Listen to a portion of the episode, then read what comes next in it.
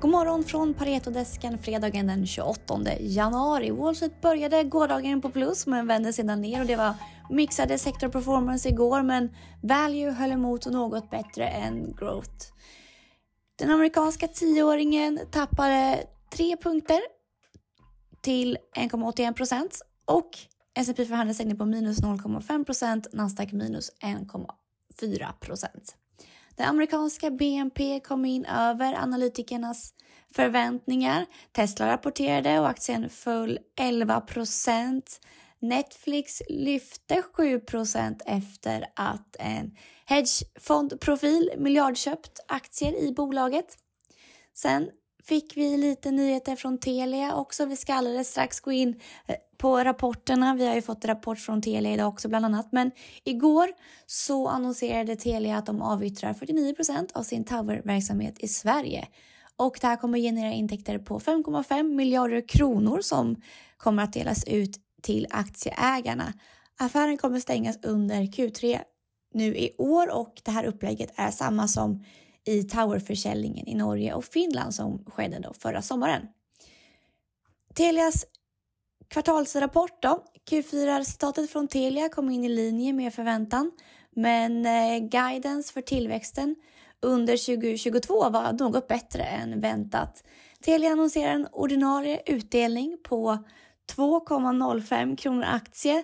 Utöver detta så kommer aktieägarna då få upp till 1,35 kronor per aktie under andra halvåret från försäljningen av 49 av sin towerverksamhet som jag nämnde här tidigare. Vi ser rapporten som positiv för Telia-aktien.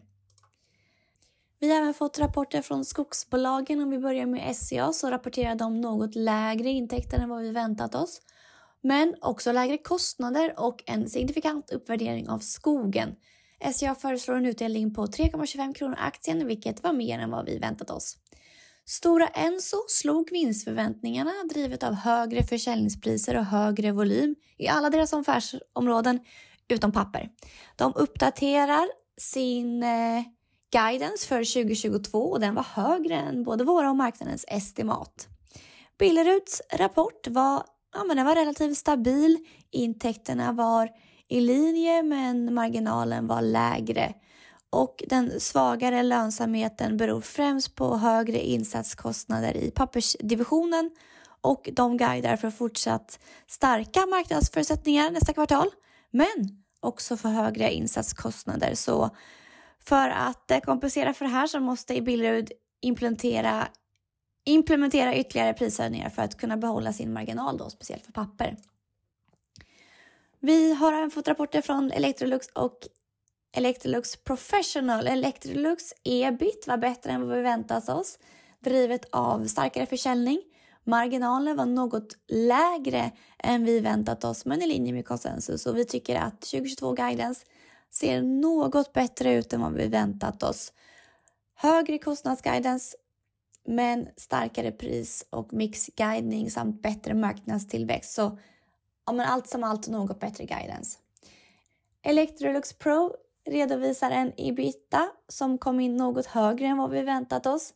Marginalen var något bättre än väntat och de har genomfört ytterligare prishöjningar men inflationen kommer ändå vara högre i Q1 än Q4.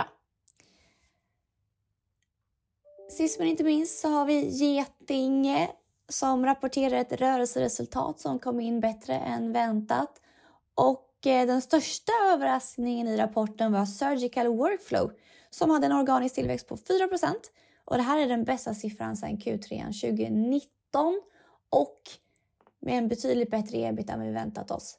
Och de visar också på en, en relativ bullish outlook för 2022.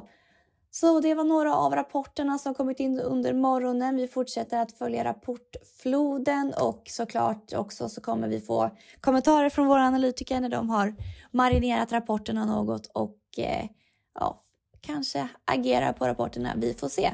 Ha nu en riktigt trevlig helg så ses vi igen på måndag.